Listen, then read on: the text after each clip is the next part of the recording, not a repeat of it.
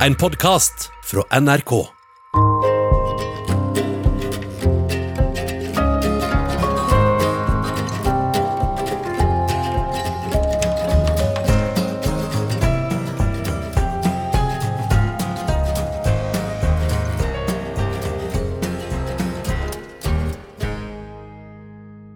Det fins noe som kalles morgensider, eller morning pages, som Julia Cameron introduserte i sin bok The Artist Way på midten av 90-tallet. Det er som en slags kreativitetsøvelse, som går ut på at det første du gjør på morgenen, er å fylle tre hele A4-sider med det du tenker på akkurat når du våkna. Du skal ikke stoppe å tenke deg om, du skal ikke koke kaffe først, du skal rett og slett finne frem papir og penn med en gang du har åpna øynene, og nesten ikke løfte penna fra papiret til å ha fylt de tomme arka med tanker. Og dette kan ofte bli veldig interessant. For hva er det du tar med deg inn i dagen fra natta? Av og til så er det kanskje en drøm. Og av og til er det kanskje bare helt enkelt jeg føler meg uthvilt i dag, og sola skinner gjennom gardinene, og nå har jeg lyst til å drikke kaffe. Men ofte blir det mer som et mentalt speilbilde på papiret foran deg. Du merker mens du skriver hvordan sinnsstemning du er i. Og hvis den ikke er til din fordel, så rekker du kanskje å fange den opp og snu den før du setter ned føttene på soveromsgulvet og starter dagen. Det her kan jeg virkelig anbefale, om noen har lyst til å prøve. Men siden jeg alltid har vært en ganske glad person på morgenen, og nesten alltid kjenner på en iver og tiltro til livet når jeg våkner, så har jeg istedenfor begynt å skrive det jeg kaller for kveldssider. Fordi det er da jeg har mest behov av å speile meg i de der tankene på papiret. For det er på kvelden jeg blir ettertenksom, og kanskje litt melankolsk. Og den sinnsstemninga er ikke noe særlig å ta med seg inn i nattesøvnen. Så på kvelden, ved behov, så tar jeg frem ei stor notatbok i A4 som jeg har begynt å kalle for søppelbøtta. Det vil si, det er der jeg legger de overflødige tankene som sirkulerer i hodet mitt. Og akkurat som med The Morning Pages, så er det ikke meninga at det skrivende skal spares for ettertida. Det er helt fritt fra prestasjon og fortellerkunst. Det skal helst brennes eller makuleres så snart boka er full. Men jeg leser alltid fort gjennom boka før jeg kaster henne. Fordi når jeg graver i denne mentale søppelbøtta, så finner jeg ofte gullkorn og sannheter som er verdt å spare på. Og dem har mange ganger vært det første frøet til mine egne nye låter.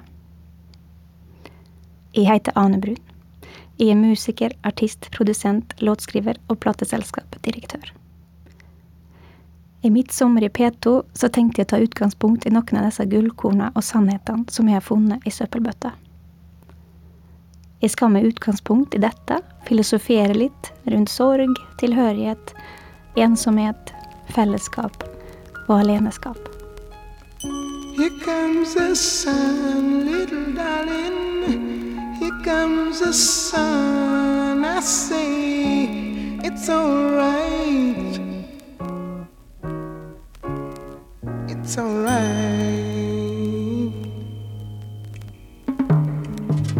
Here comes the sun, little darling. Here comes the sun. I say it's alright.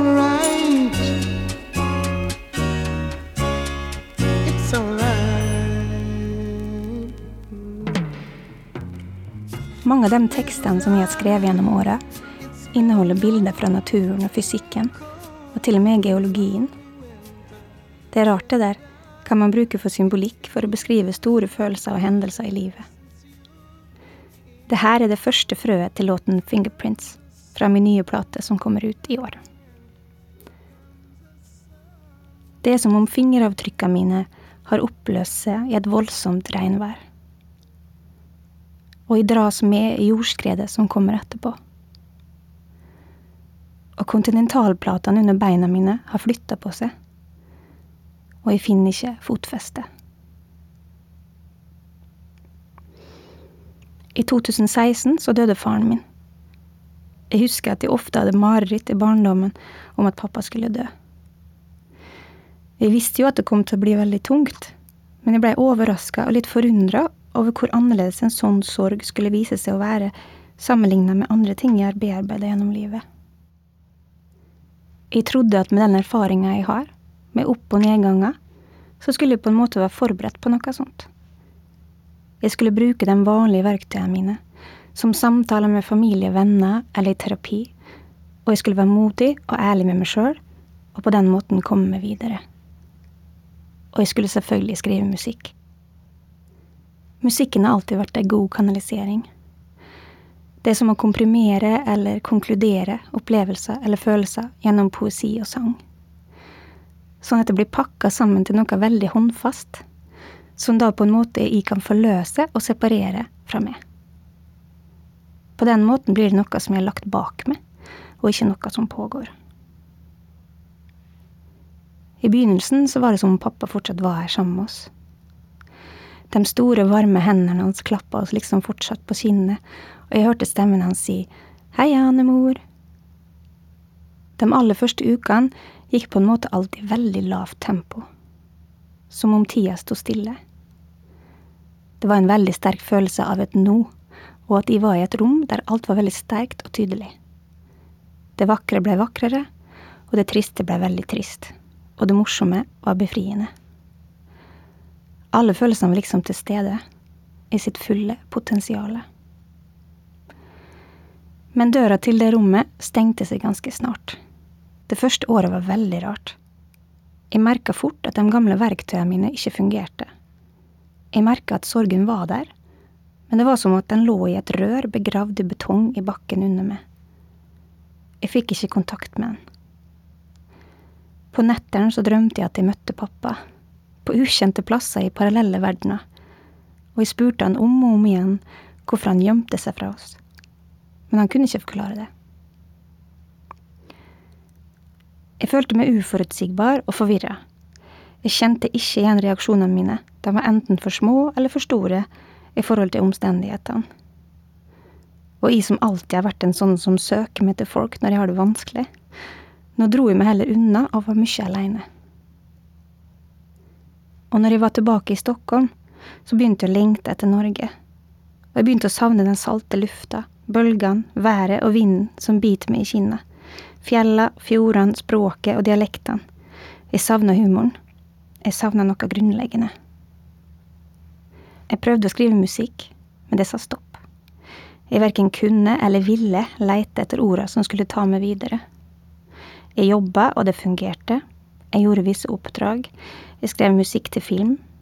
For der kunne jeg bruke filmkarakterene sine følelser. For jeg hadde jo ikke kontakt med mine egne. Det var en ting som slo meg etter den perioden. Det er jo sånn det er med oss kunstnere. Vi er jo kjent for å være emosjonelle typer. Men av og til så har jeg lurt på hva som er høna og egget i den myten. Er vi kunstnere fordi vi er så emosjonelle? Eller er vi emosjonelle fordi vi må være det for å kunne skape kunst? Et avstengt følelsesliv er iallfall ikke et bra utgangspunkt for å skape kunst. Da blir alt skapt i hodet istedenfor i hjertet. Og jeg fikk ikke skrevet en eneste bra låt i denne perioden, fordi sorgen var begravd i betong. Ettersom tida gikk, blei det mer og mer tydelig for meg at sorgen etter å miste en pappa kan ta veldig lang tid. Og jeg så at det var forskjellige stoppesteder på veien som hjalp meg fremover. Men at det av og til også kunne føles som at jeg hadde gått tilbake til start. Her er noen ord fra låten Black Notebook, fra min plate When I'm Free. Ekte forandring kan ta breie svinger. Når du tror du har gått videre, så må du snu og gå tilbake for å ta igjen det sjøl. Og du kanskje trenger en naken sannhet for å forløse sinnet. Rundt ettårsdagen så fikk jeg et veldig fint oppdrag. Jeg skulle opptre på Polarprisen på Konserthuset i Stockholm, og jeg skulle tolke en av låtene til Sting foran Sting sjøl, som var årets prisvinner. Jeg fikk velge hvordan låt jeg ville spille fra hans katalog, og selv om det var lenge siden jeg hadde hørt aktivt på Sting, så visste jeg at jeg likte ei plate fra begynnelsen av 90-tallet som heter The Soul Cages. Og da var det ei låt som stakk ut. Det var Why Should I Cry For You.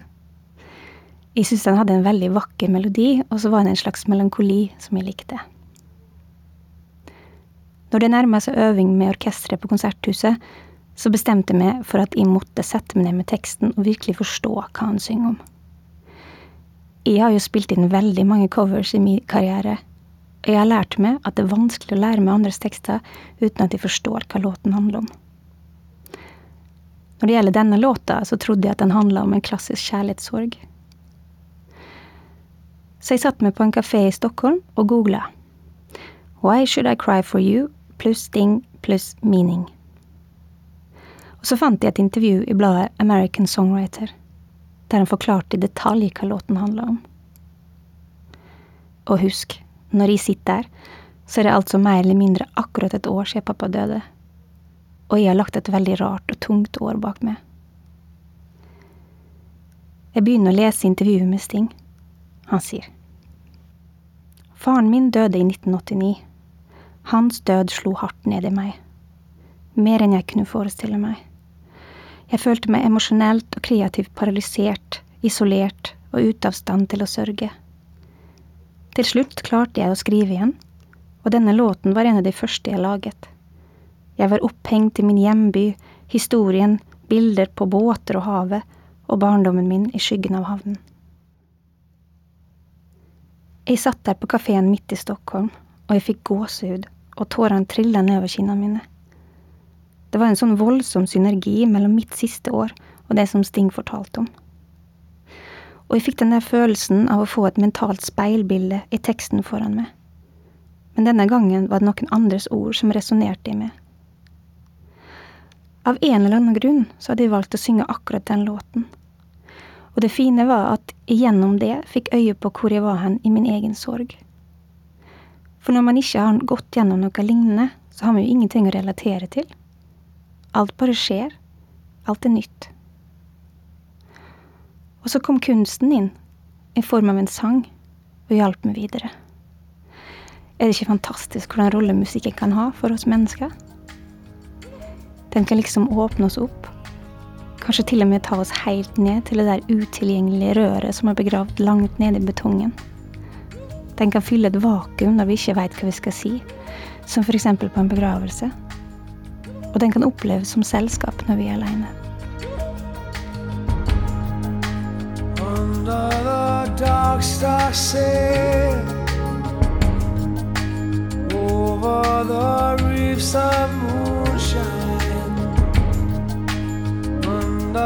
skies of fall North, northwest,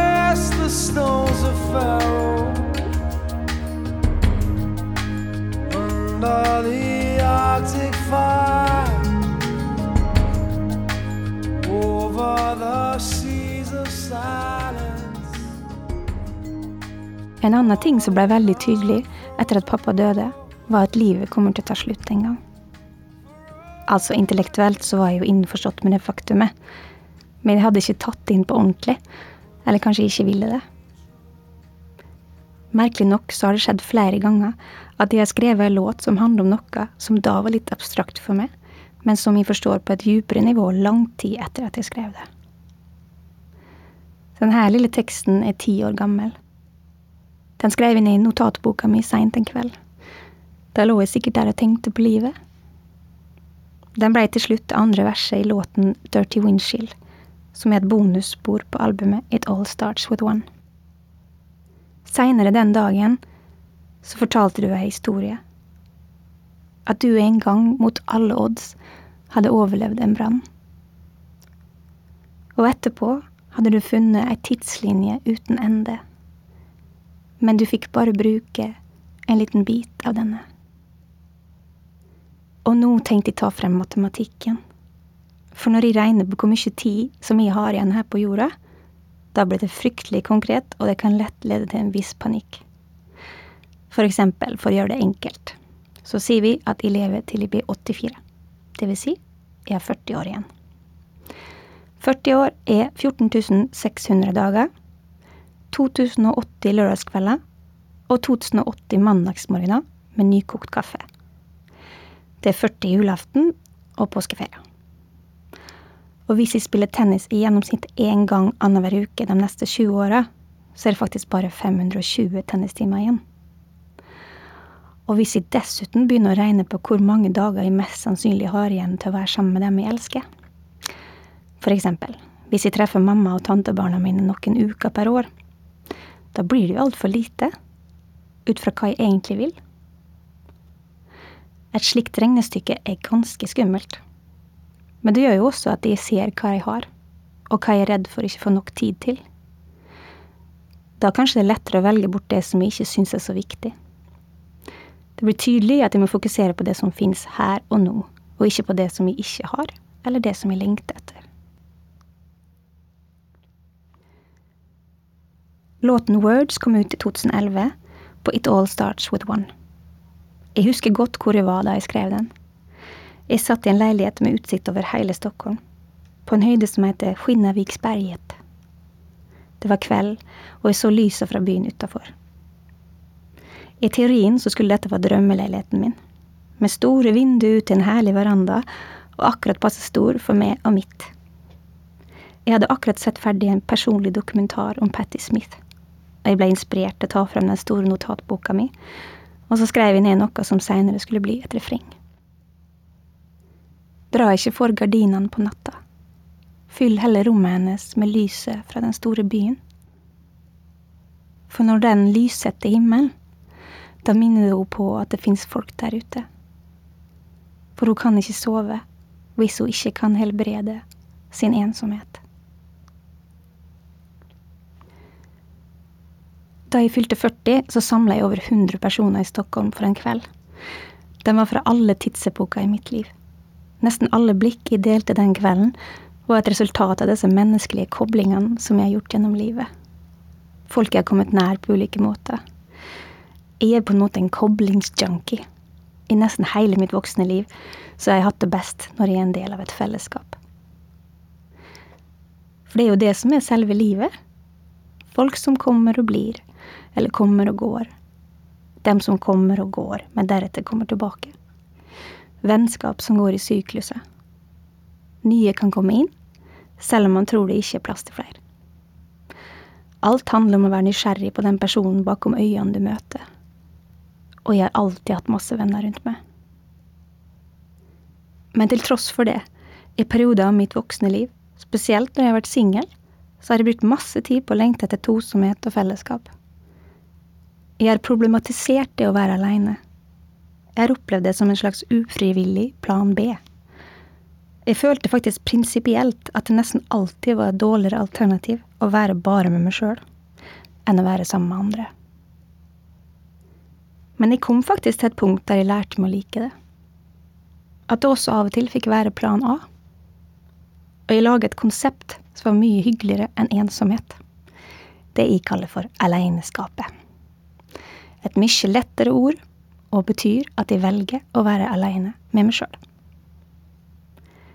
Det begynte å snu en søndags ettermiddag for noen år sia, da jeg bokstavelig talt fikk en oppvåkning. Det var en ganske typisk søndag for meg i den situasjonen jeg var i. Jeg var singel, bodde aleine, og i den alderen da de fleste venner etablerte seg, er opptatt med sitt og med sine søndagsaktiviteter med barn og familie. I tillegg så bodde jeg ikke i samme land som familien min, så det var ikke aktuelt med søndagsmiddag. Og jeg lengta ofte etter at folk skulle ringe på og komme på spontanbesøk. Jeg ønska at selskap skulle være gratis og enkelt. Selv om jeg hadde mange kunne møte, så blei det mer og mer sånn at det krevde en viss organisering fra min del for å få det til. Så den søndagen tok jeg meg heller en spasertur rundt i byen, traska litt rundt og så på folk. Da jeg kom hjem, satte meg litt oppgitt i lenestolen min, og jeg sovna. Jeg våkna etter ei stund og kunne ikke helt komme ut av den drømmen jeg var i, så jeg holdt øynene lukka for å se hva det var jeg var inne i. Drømmen var en slags fargerik, veldig billedlig beskrivelse av hvordan jeg delte opp mitt eget liv i to sosiale enheter. Jeg kunne se det ovenfra, som en modell av en by. Og den bestod av to bydeler som var på to separate øyer, som var sammenkobla av ei lang gangbro av stein. Den ene bydelen representerte fellesskapet. Det var der alle menneskene i livet mitt var, mitt sosiale nettverk. Og den andre var det der aleineskapet som jeg nevnte tidligere. Der jeg kunne være uproblematisk aleine, bare med meg sjøl. Der jeg med vilje valgte mitt eget selskap, og likte det. Og i drømmen så oppdaga jeg at jeg gikk nesten aldri dit. Jeg var enten og besøkte fellesskapet, eller så sto vi på steinbroa og venta på neste mulighet til å gå tilbake. Venta på at noen skulle invitere meg, eller at jeg sjøl skulle ta initiativet. Så jeg sto der i nattemørket. Det eneste lyset var noen dunkle gatelys som i gamle svart-hvitt-filmer. Jeg kikka bort på bydelen Aleineskapet, og alt lys var slått av. Alle vinduer var stengte, og persiennene var dratt ned. Jeg visste at det der var mitt sted. Mine gater, mitt rom, mitt hjem. Det jeg egentlig kjente best. Men jeg sto bare og så på. Jeg ville ikke gå dit.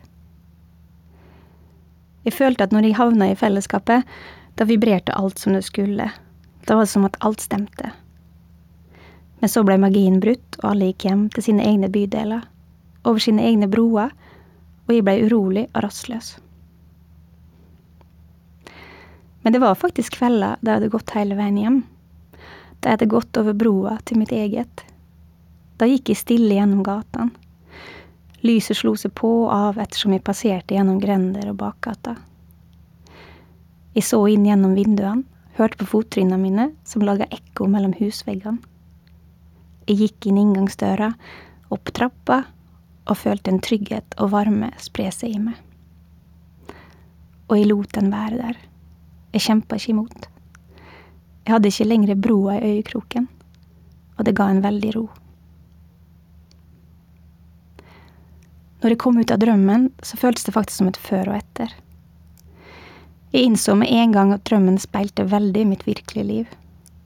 Jeg likte ikke å være aleine, og jeg passer på å gjøre meg tilgjengelig ved å alltid ha telefonen på, og jeg hadde flere tekstmeldinger i gang samtidig, for å holde ulike dører åpne som kanskje kunne lede til noen form for samvær. Og jeg hadde tenkt at dette ikke var bra for meg, men det var først nå at innsikten virkelig sank inn. Jeg reiste meg og skrev ned alt i den store notatboka mi, og jeg visste at dette var et vendepunkt. Jeg forsto at jeg måtte lære meg å gjøre aleneskapet til plan A. Jeg måtte velge det fordi jeg ville dit, og ikke kjenne at det bare var et dårligere alternativ til å være sammen. Jeg begynte med å fikse hjemme. Jeg som var så mye ute på turné og på jobb, kunne lett bli litt ubevisst på hvordan jeg ville ha det der men nå bestemte jeg meg for å holde det ryddig og kjøpe friske blomster og grønne planter. Jeg skulle alltid ha god mat i kjøleskapet og kverne gode kaffebønner på morgenen som spredde deilig lukt i leiligheten. Og ganske snart så begynte jeg å kose meg hjemme. Jeg gjorde egentlig akkurat samme ting som før. Jeg hørte på den musikken jeg ville, det radioprogrammet jeg ville, laga den maten jeg likte best, og så altfor mange episoder av en lettfordøyelig TV-serie og nå nøt jeg av det. Jeg syntes det var deilig med friheten og stillheten. Og jeg lærte meg å like å stole på det som pågikk i bevisstheten min. For når du er aleine, da er du aleine med hjernen din. Jeg tror mange ofte forsøker å flykte fra den. Jeg bestemte meg for å akseptere at tankene kunne ta sine unike veier.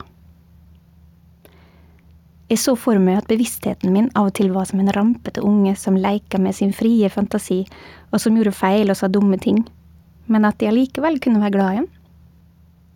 Jeg ville være åpen for alt en kunne finne på, og gjerne bli fascinert og flire av en, som jeg gjør når barn sier morsomme og rare ting. Og jeg ville føle at jeg var trygg med den, uansett hvor jeg var i verden. Jeg observerer bevisstheten, men jeg lar meg ikke definere den. For det er ikke tankene som kommer og går, som bestemmer hvem jeg er. Det er handlingene mine og de valgene jeg tar som voksen, som gjør det. Bevisstheten min er det mest private jeg eier, og den er bare min, helt inn i døden. Så jeg har funnet ut at det er like greit å akseptere den og bli venn med den. En spennende bieffekt av at jeg fant roa både i leiligheten og i hodet mitt, var faktisk det at vennene mine begynte å spontant stikke innom. De ringte på døra, og jeg satt på kaffen. Kjøkkenet mitt fyltes av varme og selskap og samtaler. Og jeg innså hvor viktig det var at jeg trives med meg sjøl og i mitt eget hjem, for at folk skal ville søke seg dit. Det begynner jo alltid med oss sjøl. Det er som i denne klisjeen om oksygenmaska på flyet. Du må sette på din egen først hvis du skal være der for andre. Honey, I can see you getting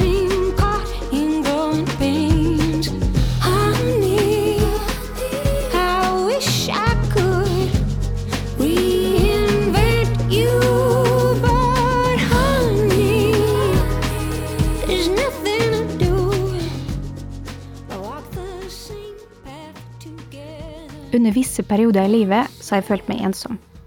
Til tross for at jeg alltid har hatt mange venner. Når festen var slutt og alle gikk hjem, da ble jeg rastløs av å ikke være sammen. Det var flokkdyret i meg som ville tilbake. Jeg tror nå at de fleste av oss driver så mye mer av dette flokkinstinktet enn vi, spesielt her i Norden, vil innrømme. Med vår sterke individualisme så flyr vi trygt og fritt over sosialdemokratiets sikkerhetsnett. Som Bjørk synger. I thought I could organize freedom. How Scandinavian of me. Vi er frie til å være uavhengige av våre medmennesker. Vi er frie til å være ganske kompromissløse i relasjoner og jobb og kunst. Fordi vi kommer ikke å stå på bar bakke om vi klipper alle bånd.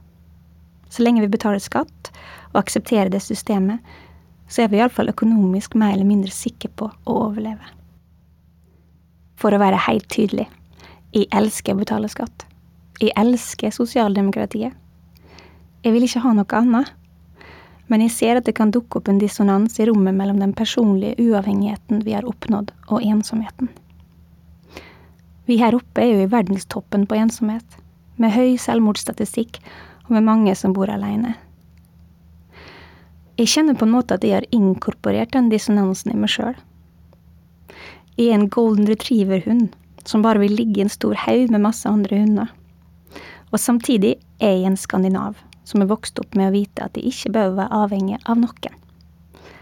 Og i tillegg så vil jeg egentlig mest av alt bare være en del av en større enhet. Jeg vil føle at jeg tilhører noe. Avhengighet og tilhørighet. Er det to forskjellige sider av samme mynt? Tryggheten min ligger jo ikke i at et medmenneske skal fange meg økonomisk om jeg skulle falle. Det gjør samfunnsstrukturen. Den gjør meg uavhengig. Kanskje vi må legge mer kraft på oss og fremme tilhørigheten? At det er den som er mangelvare for å skape et potensielt perfekt samfunn? Kanskje må vi med skattepengene våre også finne flere måter å legge fokus på å skape en følelse av dugnad, tilhørighet og kontakt? Og legge til rette for alle som vil føle at de hører til i nærsamfunnet? At de er en del av noe? I et kjærlighetsforhold så er det elementet av å høre til for meg veldig tydelig. Kjærligheten kan komme inn og fargelegge de grå hjørnene i livet. Og fylle i de der små, porøse hullene, sånn at livet føles mer vanntett. Og så kan det bli veldig utrygt når den tilhørigheten begynner å skurre, og man blir usikker på om man fortsatt skal være der. Jeg har opplevd å gå ut av et forhold som jeg absolutt ikke har vært lykkelig i, og som jeg har forstått at jeg ikke skal være i. Men så sitter jeg likevel igjen med en djup følelse av separasjonsangst, som egentlig er helt uforståelig. Og i mange tilfeller så tror jeg mange går tilbake av den grunn. Og da tenker jeg at det kanskje er flokkinstinktet som spøker igjen. Kan det være selve sammenhengen vi var en del av, som vi savner? Mer enn at vi savner selve kjæresten? Og at da kanskje det er bedre å finne en annen sammenheng å være en del av, og ikke nødvendigvis en ny kjæreste. Det her er Ane Brun, og i dette Sommer i P2 så har jeg plukka frem noen korte tekstrader som jeg har funnet i notatbøker som jeg har hatt liggende på nattbordet. Jeg bruker dem til å tømme hjernen for tanker, og de orda har lagt grunnlaget for mange av låtene jeg har skrevet. Spesielt for denne anledninga har jeg også oversatt dem til norsk. Noe som faktisk har vært en veldig intim opplevelse. Nesten som å møte meg sjøl i mine egne ord. Det dere skal få høre nå, er fra låten The Opening, som ligger på albumet Rarities. Følg en sti til den tar slutt. I skogen er det alltid ei åpning. Og hver av oss kan finne vår helt egne lysning.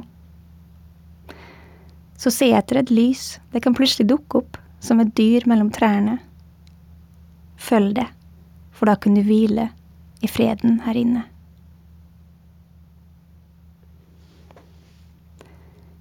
Jeg vokste opp i Molde. Denne lille byen med den uvirkelige utsikten mot fjella og fjorden. Og storhavet som ligger rett rundt hjørnet hvis du kjører ut forbi Julsundet. Da jeg var ferdig med gymnaset, var det som at jeg snudde ryggen til hjembyen min. Jeg løfta blikket høyt og sto på tå og strakk meg for å se horisonten som lå uendelig der fremme. Jeg ville ut i verden. Ingenting skulle bremse meg. Og jeg flytta de nærmeste åra rundt mellom Barcelona, Oslo, Bergen og Uppsala, før jeg landa i Stockholm i midten av 20-åra. Så har åra gått. 20 år, faktisk. Jeg tok egentlig aldri en bevisst avgjørelse om at jeg skulle bli så lenge.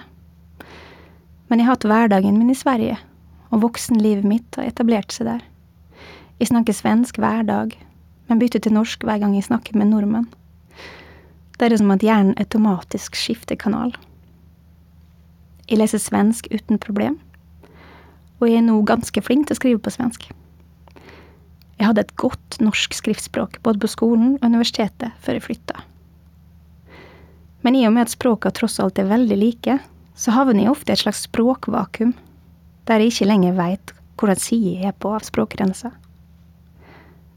Og dermed opplever jeg at norsken min har mista litt av den naturlige flowen som jeg alltid har tatt for gitt. Jeg gikk i terapi på svensk i mange år, og har hatt svenske kjærester. Og da jeg for et par år siden fikk min første norske kjæreste på 20 år, da forsto jeg at mitt følelsesspråk, eller mitt romantiske språk, det var svensk. I begynnelsen da vi data, så kunne jeg nesten rødme litt av å ta frem det norske, fordi sist jeg hadde gjort det, så var jeg veldig ung og usikker. Så når han sa fine ting til meg på norsk, så kunne jeg bli helt fnisete. Etter hvert har det selvfølgelig blitt naturlig, og ikke så flaut lenger, men det oppleves fortsatt veldig nært og intimt å være glad i noen på norsk. Jeg har vært engasjert i svensk politikk, svensk kultur og svensk musikkliv. Jeg startet et eget svensk plateselskap, som nå har vært min inntektskilde i 15 år. Men merkelig nok så har jeg ikke adoptert så mange svenske tradisjoner. Jeg har ikke fått noen rutine på hvordan jeg skal feire midtsommer eller julaften. Jeg har heller ikke fått opprettholdt 17. mai-tradisjonene, eller påskeferien med ski og Kvikk Lunsj i Solveggen. Jeg havner litt midt imellom. Spesielt siden jeg ikke har egne barn. Og jeg har reist mye av jobben. Jeg har spilt konserter på midtsommerhelgen og på 17. mai. Og selv om jeg hele tida har følt at Stockholm har vært en naturlig base, så har jeg dratt hjemover til Molde og Norge på høytidene. Da jeg flyttet til Sverige, innså jeg ganske fort at jeg var en helt ny verden av kulturreferanser. Folk snakka om viktige og selvfølgelige personligheter og historiske hendelser som jeg ikke kjente til. Flora og fauna rakk jeg bare nesten å lære meg i Norge, så i Sverige ga jeg helt opp. Det skulle bli altfor forvirrende å forsøke å få inn hva hvitveis, trost og sissik heter på svensk. Og ettersom året gikk, så begynte jeg å oppleve det samme i Norge. Jeg kom hjem og visste ikke lenger hvem folk snakka om. Det var TV-personligheter og politikere som var helt selvfølgelige i mediebildet, men som jeg aldri hadde hørt om. Men uansett, den store forskjellen er at grunnlaget, den der norske arven, tolv år på skolen og de første 24 åra av mitt liv, den var jo der. Og den skulle jeg aldri få i Sverige. Og det er en ganske viktig grunnmur å stå på. Min svenske grunn var bygd i voksen alder, ovenpå den norske. Og i og med at jeg bygde i høyden, så var det som at det ble mer og mer avstand til den norske grunnmuren. Litt som at jeg ubevisst tok avstand for å kunne være helt til stede i mitt liv i Sverige. Så skjedde det som skjer med de fleste av oss. Midt i livet så mista jeg faren min. Og etter det var det som at alle cellene i kroppen min ville tilbake til Norge. Jeg kjempa imot. For det var både upraktisk rent logistisk og forvirrende etter 16 år i utlandet. Jeg hadde jo vendt ryggen til Norge, og jeg hadde bygd i høyden. Hvordan skulle jeg forholde meg til dette som hadde våkna i meg? Når jeg nå tenker tilbake på disse første 16 åra i Sverige, så ser jeg at lengselen etter å tilhøre noe, den har ligget der under overflata hele tida. Og kanskje det er slik at selv om vi flytter bort, langt eller kort, frivillig eller motvillig, så må vi forholde oss til denne grunnen vi står på. Uansett om vi vil ha den med oss eller ikke. Vi må iallfall anerkjenne den, og ikke stå med ryggen til. Vi kan ikke bygge høyden når vi ikke bruker grunnmuren. For min del så var det en norsk kjæreste som skulle få meg til å klare å være til stede med hele hjertet i begge mine land. I begynnelsen følte jeg masse motstand, men da jeg slapp taket, førte det til at jeg faktisk blei heil. Jeg hadde snudd meg tilbake, og jeg sto og så på Molde og Norge og kunne kjenne at det der var også med. Og nå føler jeg at jeg hører til, uansett hvor jeg er. Jeg vil avslutte med noe jeg skrev ned i den der boka som jeg kaller Søppelbøtta. Den der notatboka som ofte kommer frem før jeg skal sove. Dette er den første frasen jeg skrev ned av det som ble låten Still Waters fra albumet When I'm Free. Og som jeg har lengta etter denne tida, som jeg har venta på dette øyeblikket, da alle elver begynner å renne mot det samme havet.